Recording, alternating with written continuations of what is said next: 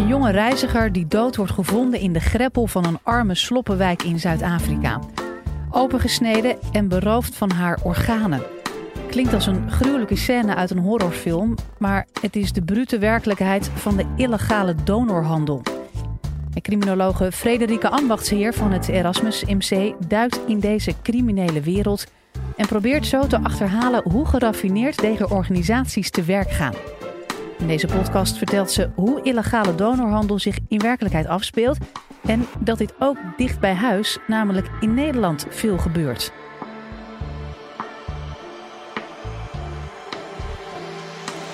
Live vanuit Club Air is dit de Universiteit van Nederland. Wakker worden in een bad met ijs en een papiertje waarop staat dat je 112 moet bellen omdat je nier verwijderd is. Ontvoerde kinderen uit pretparken, beroofd van hun organen. Ideale scenario's voor een spannende film. Zoals hier, waar de hoofdpersoon in het toilet van een hotelkamer een hart aantreft. Dit zijn veelal de beelden die wij met orgaanhandel associëren. En ik heb de afgelopen jaren onderzoek gedaan naar die illegale orgaanhandel. En aan de hand van mijn bevindingen zal ik jullie laten zien hoe orgaanhandel werkelijk plaatsvindt. Ik zal uitleggen hoe een illegale transplantatie tot stand komt, hoe uitbuiting plaatsvindt en hoe sluw orgaanhandelaren te werk gaan. Maar ik zal jullie ook laten kennismaken met een andere kant. Een kant die morele discussies oproept. Zo zijn er donoren en patiënten die met elkaar een deal sluiten voorafgaand aan de operatie, daar heel tevreden over zijn, maar hun arts niets vertellen. In dit college geef ik jullie een inkijkje in deze onbekende, maar ook oneerlijke wereld. Een wereld waar miljoenen worden verdiend aan de wanhoop van zieke en arme mensen. Orgaanhandel is de koop en verkoop van organen of het bemiddelen daartussen met uh, een financieel of materieel gewin als doel. En als dat gepaard gaat met dwang, afpersing of fraude, dan spreken we over mensenhandel met het oogmerk van orgaanverwijdering. Beide misdrijven zijn in praktisch alle landen verboden. En de reden is om te voorkomen dat de allerarmste mensen als eerste hun organen gaan verkopen. Dat zouden zij immers nooit vrijwillig doen. Maar er is nauwelijks bewijs dat dat verbod werkt. Orgaanhandel komt inmiddels in alle werelddelen voor. En die illegale markt, die is er nou eenmaal, omdat de legale markt niet in staat is om aan die alsmaar toenemende vraag naar organen te voldoen. Van alle organen is de vraag naar nieren het grootst. En de handel uh, in nieren is dan ook de meest voorkomende vorm van orgaanhandel. En wereldwijd lijden er zo'n 2 tot 7 miljoen mensen aan chronisch nierfalen. En zo'n 200.000 patiënten staan op de wachtlijst voor een niertransplantatie. En de gemiddelde wachttijd is zo'n 4 à 5 jaar. En terwijl je wacht, onderga je dialysebehandelingen. Dialyse vervangt de functie van de nier en hiervoor moet je meerdere keren per week aan de machine worden aangesloten en wordt je bloed gezuiverd. Het is een levensreddende en noodzakelijke behandeling, maar het heeft ook een enorme impact op de kwaliteit van leven. Het belast het lichaam dermate dat veel patiënten, terwijl ze wachten, alsnog komen te overlijden of van de wachtlijst worden afgehaald, omdat de artsen verwachten dat ze die transplantatie überhaupt niet gaan overleven. Om die reden voeren ook steeds meer landen steeds meer levende nierdonaties uit. We hebben twee nieren, maar kunnen ook goed met één nier leven. Bovendien gaat een nier van een levende donor veel langer mee dan een nier van een overleden donor. In Nederland voeren wij daarom inmiddels meer donaties uit van levende nierdonoren dan van overleden nierdonoren. En alle potentiële nierdonoren zijn welkom. Partners, familieleden, uh, vrienden, kennissen, buren. Of zelfs vreemden die je ontmoet via de kerk of via Facebook. Iedereen is welkom, zolang je maar gezond bent en niet wordt betaald. Maar ondanks die toename in levende nierdonaties blijft het aanbod toch ver achter die alsmaar toenemende vraag. Van die 200.000 patiënten die wereldwijd op wachtlijsten staan, daarvan wordt ieder jaar maar een derde getransplanteerd. En naar schatting sterven er zo'n tussen de 10 en 20.000 patiënten per jaar. Stel, u heeft een nier nodig. U woont in een land waar de wachtlijst zo lang is dat u die wachttijd waarschijnlijk niet gaat overleven.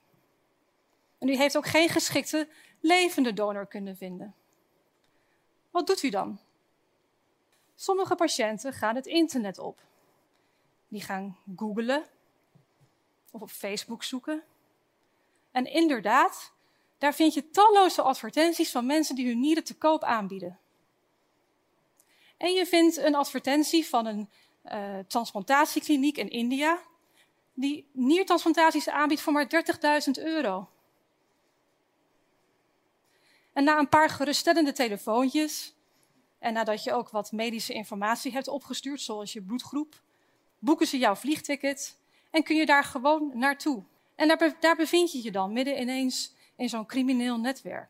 De afgelopen jaren reisden er duizenden patiënten de wereld over op zoek naar nieren.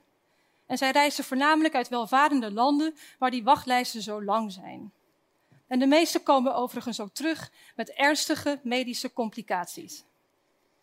En de populairste bestemmingslanden zijn China, India, Pakistan en de Filipijnen. Orgaanhandel is dus een wereldwijd probleem.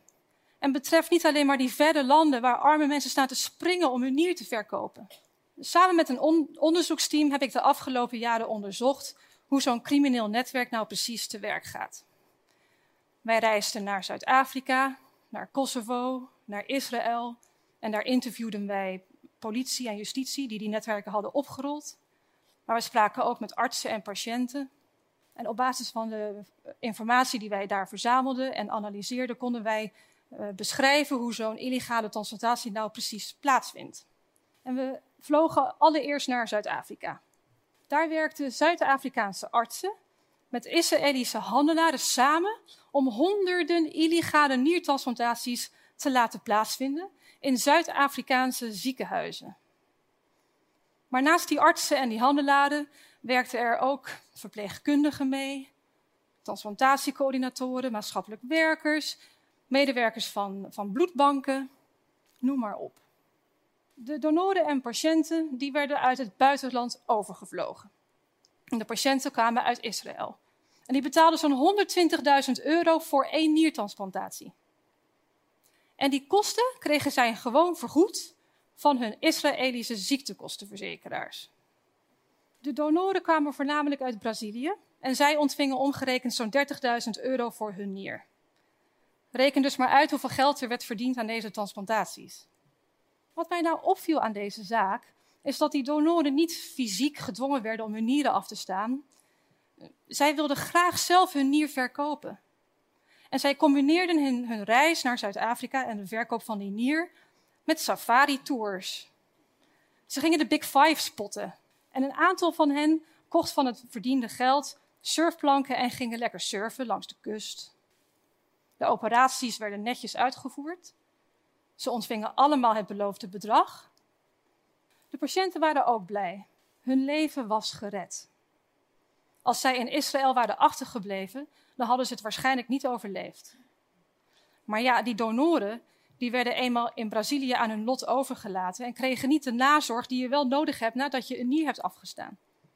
Politie en justitie hadden moeite om dit netwerk te berechten.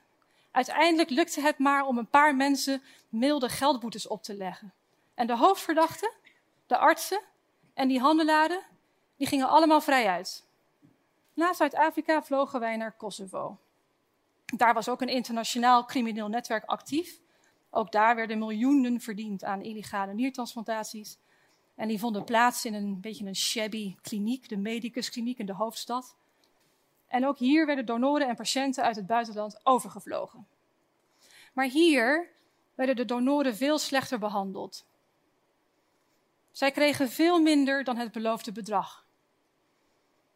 Hen werd de opdracht gegeven dat ze terug naar huis moesten vliegen en eenmaal thuis moesten ze op zoek gaan naar nieuwe potentiële nier, nierdonoren.